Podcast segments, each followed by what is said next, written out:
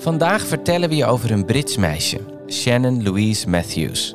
Na haar zwemles verdween ze spoorloos en de zoektocht werd de grootste sinds 30 jaar.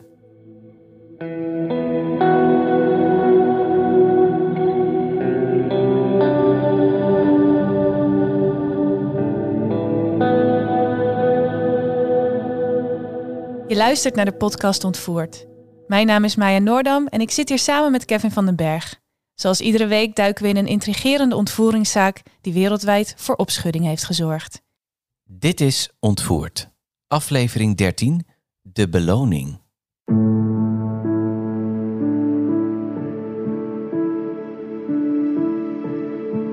Shannon Louise Matthews werd geboren op 9 september 1998 in Engeland als dochter van moeder Karen Matthews en vader Leon Rose.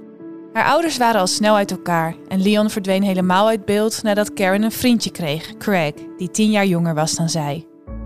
Shannon groeide op met haar moeder, Craig en zes broers en zussen van allemaal andere vaders, met uitzondering van één broer. Karen was werkloos, maar knoopte de eindjes aan elkaar met behulp van de subsidies die ze ontving voor al haar kinderen. Het gezin woonde in Dewsbury, een arme buurt in West Yorkshire met een hoog criminaliteitscijfer en hoge werkloosheid. Shannon was introvert, verlegen, stil en teruggetrokken. Ze had dan ook maar een paar vriendinnen. Het is dinsdag 19 februari 2008. Een normale dag en Shannon maakt zich klaar voor school. Ze trekt haar schooluniform aan en doet een dikke winterjas aan. Het is koud en guur buiten. Ze loopt naar de Westmore Junior School en de schooldag verloopt zoals gepland. Shannons klas heeft schoolzwemmen bij het lokale zwembad Dewsbury Sports Center. Na afloop vertrekt de groep met de bus weer terug naar school, waarna de schooldag voorbij is. Shannon loopt de school uit en vertrekt richting huis. Normaal gesproken loopt ze de heuvel op naar boven, naar de top van de straat waar haar moeder haar altijd ophaalt. Maar vandaag loopt ze de andere kant op. Haar moeder is aan het shoppen met de zus van Craig, haar vriendje, en verwacht pas rond 4 uur thuis te zijn. De afstand bedraagt minder dan een kilometer en Shannon loopt daarom zelf naar huis. Om iets over vier komt moeder Karen thuis. Daar treft ze haar vriend Craig aan. Hij zou eigenlijk gaan werken, maar voelt zich niet zo lekker en heeft zich ziek gemeld. Shannon is nog niet thuis, vertelt hij aan Karen. De twee zijn niet direct in paniek. Waarschijnlijk is Shannon naar een vriendin of naar het park gegaan. Een half uur later is ze echter nog niet thuis en Karen maakt een rondje langs de buren en vrienden om te zien of Shannon bij een van hen thuis is. Ze vindt haar dochter echter niet. Al snel wordt het donker en Karen en Craig worden bezorgd. Karens vriendin Petra zegt dat ze de politie moet bellen om Shannon als vermist op te geven. En dat doet Karen dan ook. Binnen een paar minuten is de politie bij hen thuis. Het huis vult zich binnen een uur met agenten, buren, vrienden en familie. Karen raakt steeds meer overstuur en de verzamelde groep besluit op zoek te gaan naar Shannon. Te voet, met de auto, door velden en door bossen, urenlang wordt er naar het negenjarige meisje gezocht. Maar tevergeefs. De nacht verstrijkt en Shannon wordt niet gevonden. Het is hartje winter en Shannon is de hele nacht weg geweest. Het lijkt er niet op dat ze is weggelopen, dus er worden de volgende dag nog meer mensen opgetrommeld om te gaan zoeken. Ook worden er twee vaste agenten toegewezen aan de familie. Zij arriveren bij het huis en gaan aan de slag.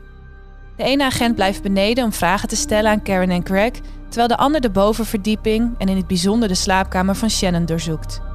Daar vindt hij op de muur een berichtje. Ik wil bij mijn vader wonen. Natuurlijk wordt direct Shannons biologische vader Leon onderzocht, maar daar is Shannon niet. De hoop vervliegt en de politie maakt zich ernstig zorgen om Shannons veiligheid. Tijd tikt door en inmiddels zijn er 24 uur verstreken. Er zijn tientallen agenten actief in de zoektocht en ook de gemeenschap van Dewsbury en omgeving zet eigen zoekacties op. Onbekenden rijden soms wel 45 minuten naar het dorp om te helpen. Ze doneren tijd, geld en spullen. Alles om Shannon veilig thuis te brengen. Maar het meisje is al meer dan een dag vermist en het lijkt onwaarschijnlijk dat ze veilig wordt gevonden. De politie adviseert de gemeenschap en betrokkenen om te stoppen met zoeken. Als ze iets vinden is de kans immers groot dat ze iets vreselijks zien en daarbij lopen ze het risico dat ze de plaats delict besmetten. Maar de mensen willen graag iets bijdragen, dus proberen ze andere dingen. Ze ontwikkelen t-shirts, flyers en posters. Een overheidsgebouw wordt omgetoverd tot basis voor de vermissing. Een plek waar je flyers kunt ophalen, om nieuws kunt vragen en met elkaar in contact kunt komen. De politie raadt moeder Karen af om met de media te praten. De ervaring leert dat wanneer degene die Shannon heeft ziet hoe groot de zoektocht is, het meisje alleen maar verder in gevaar komt. De kans is groot dat de ontvoerder dan van haar af wil en er misschien voor kiest om haar te doden. Karen luistert echter niet en doet toch een oproep op televisie. Helaas levert ook dit niets op. Wel worden alle computers en andere apparaten van het gezin Matthews meegenomen waarop Shannon actief is geweest, om te onderzoeken of ze een aanleiding of spoor kunnen vinden.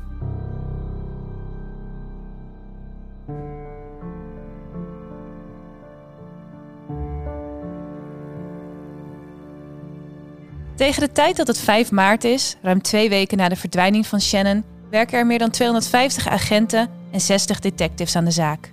Normaal gesproken gaat het om slechts 1 tot 2 detectives. Van de 27 politiehonden in het totale Verenigd Koninkrijk, gespecialiseerd in het vinden van slachtoffers, worden er maar liefst 16 ingezet in de zoektocht naar Shannon. Duikers gaan aan de slag om meren te onderzoeken, 1500 motorrijders worden ondervraagd, ruim 3000 huizen doorzocht en er wordt een website opgericht. In totaal wordt er meer dan 3 miljoen pond, bijna 3,5 miljoen euro, besteed aan de zaak. Is de grootste zoektocht in 30 jaar sinds de jacht op de seriemoordenaar de Yorkshire Ripper. Maar het blijft stil. Het enige haakje dat de politie heeft is dat ze ontdekt dat er in de buurt van Shannon's huis diverse zedendelinquenten wonen. Een lokaal bedrijf roept een beloning van 5000 pond uit voor informatie over de zaak. Dit bedrag wordt door de Engelse krant The Sun verhoogd tot 50.000 pond. Maar ook dit levert niets op en de media verliezen hun aandacht voor de zaak, vooral wegens het gebrek aan ontwikkelingen. Craig, de vriend van moeder Karen, krijgt vrijstelling van zijn werk om voor de kinderen te zorgen en zich te focussen op de zoektocht naar Shannon.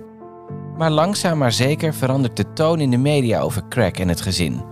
The Sun, dezelfde krant die de beloning verhoogde, beschuldigt Craig van misbruik en mishandeling van de kinderen van Karen. Ze werpen de theorie op dat Shannon daar eindelijk genoeg van had gekregen en daarom is weggelopen. Karen spreekt het tegen in een interview met GMTV en zegt dat ze er zeker van is dat Craig er niets mee te maken heeft en dat hij niemand iets aan zou doen. Ook Shannons vader, Leon Rose, neemt het op voor Craig. Er is ook geen enkel bewijs voor het statement, maar het maakt flinke impact. Craig neemt op een avond een mix van paracetamol en alcohol. Hij overleeft het incident, maar het blijft onduidelijk wat zijn intenties waren. Veel mensen denken echter dat het gaat om een poging tot zelfmoord. Karen wordt op een gegeven moment benaderd door een medium dat beweert dat ze kan helpen in de zaak. Ze geeft aan dat ze heeft gezien dat Shannon bij een kerk is. De politie heeft weinig aanknopingspunten en volgt de informatie op. Maar helaas, het resultaat blijft weer uit. Er zijn inmiddels drie weken verstreken sinds de verdwijning van de negenjarige Shannon en de kans dat ze nog levend en wel gevonden wordt is minimaal geworden. Het hele land leeft mee met de familie Matthews. Onbekenden sturen kaartjes, cadeaus en geld. De lokale supermarkt biedt het gezin gratis boodschappen aan. Er wordt een sponsorloop georganiseerd waarin de gemeenschap samenkomt om geld in te zamelen. Iedereen komt samen. De media zijn echter, anders dan de rest van het land, een stuk sceptischer en kritischer op het verhaal en met name op Karen en Craig. Op 14 maart, bijna vier weken na de verdwijning van Shannon, neemt een ver familielid van het gezin contact op met de politie. Hij vertelt dat het opvallend is dat de oom van Craig, Michael Donovan, die dicht bij het gezin woont, geen enkel contact heeft gehad met ze sinds de verdwijning van Shannon. De politie begint hem te onderzoeken. Ze hebben nog niet eerder van hem gehoord en dat is ook niet zo gek. Met vijf vaders en aanverwante families in het spel was de te onderzoeken directe kring van de familie Matthews enorm.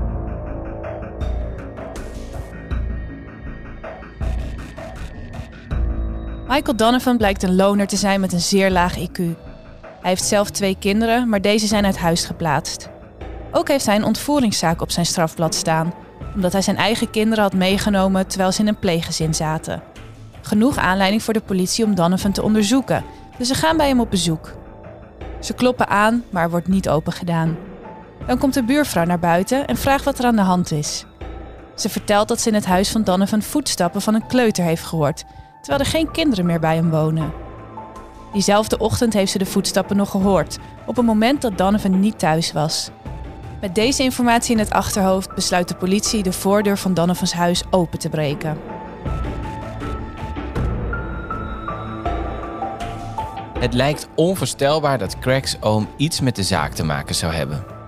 De politie gaat naar binnen in Donovans huis. Een van de agenten onderzoekt de benedenverdieping en de ander loopt naar boven. Daar zijn veel deuren die op slot zitten en hij breekt ze één voor één open. Opeens hoort hij een meisjesstem. Stop, je maakt me bang.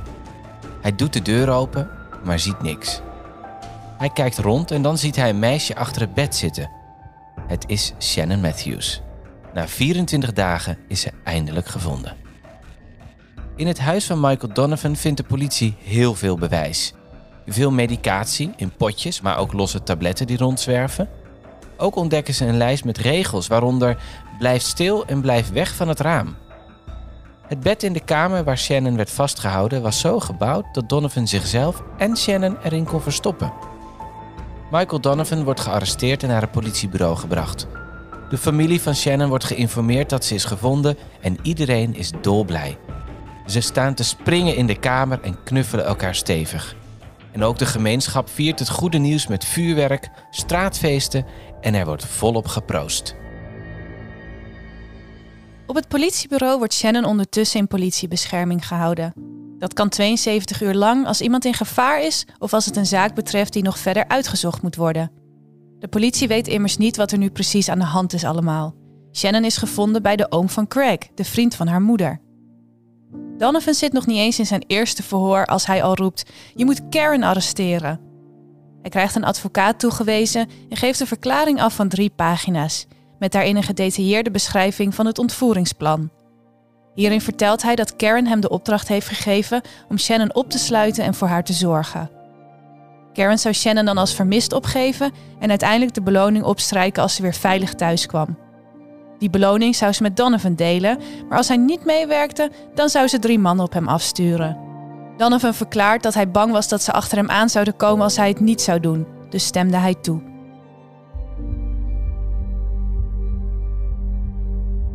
Het was de politie al opgevallen dat er inconsistenties zaten in het verhaal van Karen.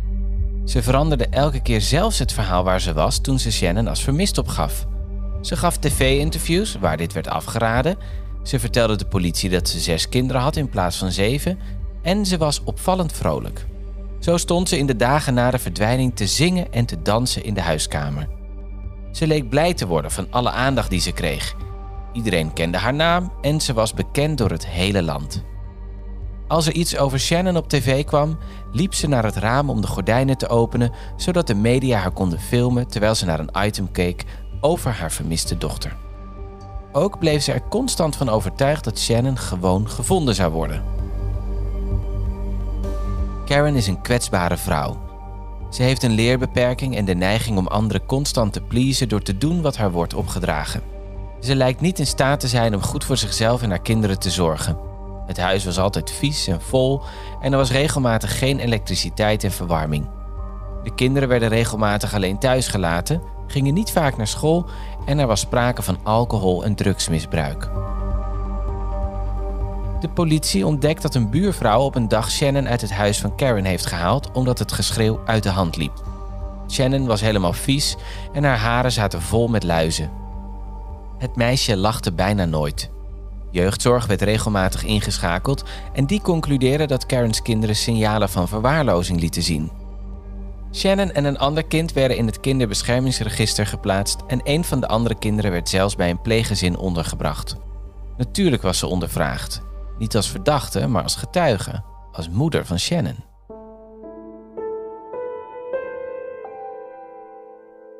Het is eindelijk tijd voor Karen om Shannon te zien en officieel te identificeren. De twee worden in aparte kamers gezet. Karen kan Shannon zien door een raam, maar Shannon ziet datzelfde raam aan de andere kant als spiegel. Zij kan haar moeder dus niet zien.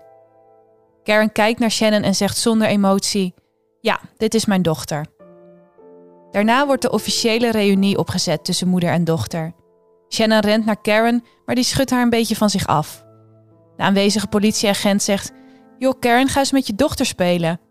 Maar Karen blijft op de klok kijken, trekt haar jas aan en lijkt klaar om weer te gaan. De politieagent beschrijft de situatie later als koud en afstandelijk.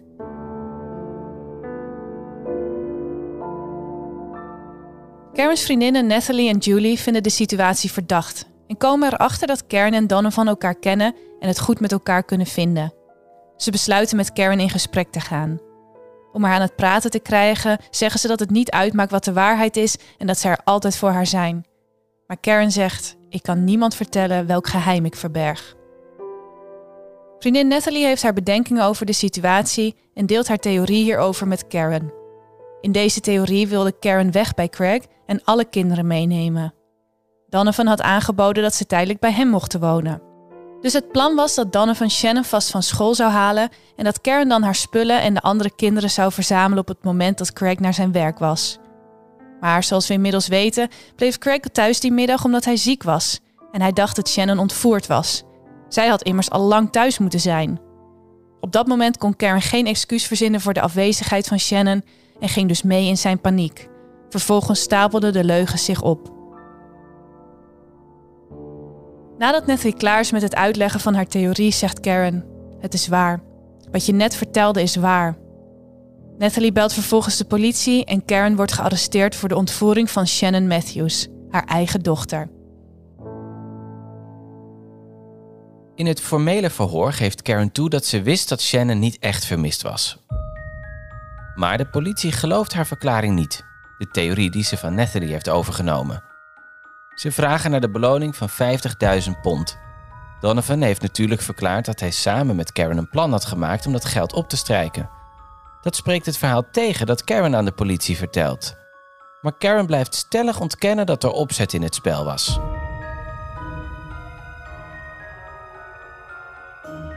De gemeenschap ontdekt intussen dat het verhaal van de ontvoering niet waar was. De mensen zijn heel erg boos. Ze hebben tijd, geld en andere middelen gedoneerd om Shannon te vinden en nu blijkt dat ze helemaal niet vermist was. Sommigen zijn zelfs hun baan verloren omdat ze waren gaan zoeken naar het meisje. Ondertussen wordt er meer duidelijk over de omstandigheden waarin Shannon werd vastgehouden. Donovan vertelt dat hij het meisje verdoofd hield met behulp van de verschillende drugs die in zijn huis werden gevonden. Shannon wordt onderzocht en de resultaten zijn nog erger dan verwacht. In Shannons bloed wordt een cocktail aan drugs gevonden. Voldoende om een negenjarig meisje inderdaad flink verdoofd te laten zijn. Maar ze ontdekken nog iets anders.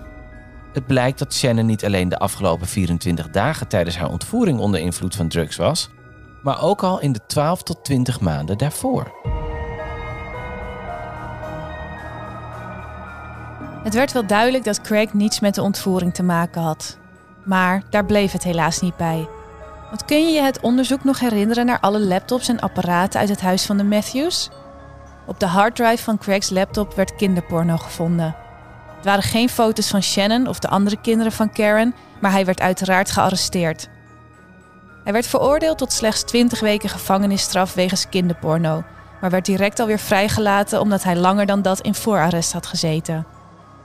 Zus Amanda werd gearresteerd op verdenking van het ondersteunen van een delinquent. Zijn moeder Alice, de zus van Michael Donovan, werd gearresteerd vanwege het belemmeren van de rechtsgang. Zij werden beide niet veroordeeld. Karen en Donovan werden berecht in Leeds Crown Court.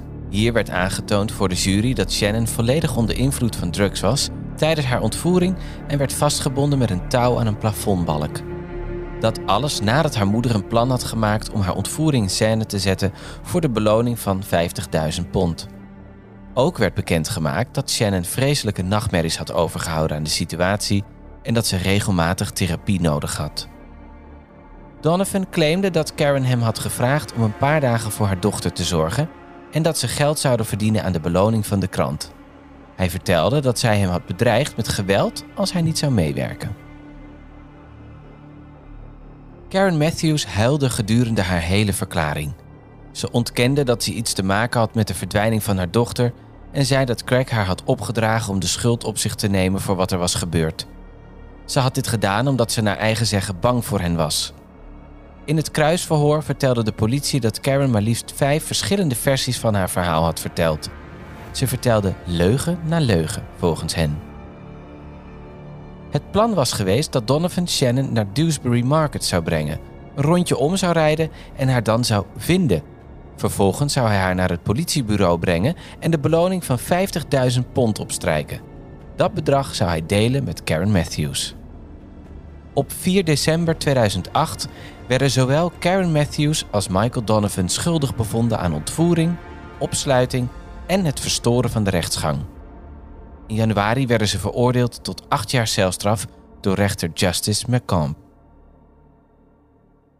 Karen Matthews werd in april 2012 vrijgelaten nadat ze de helft van haar straf had uitgezeten.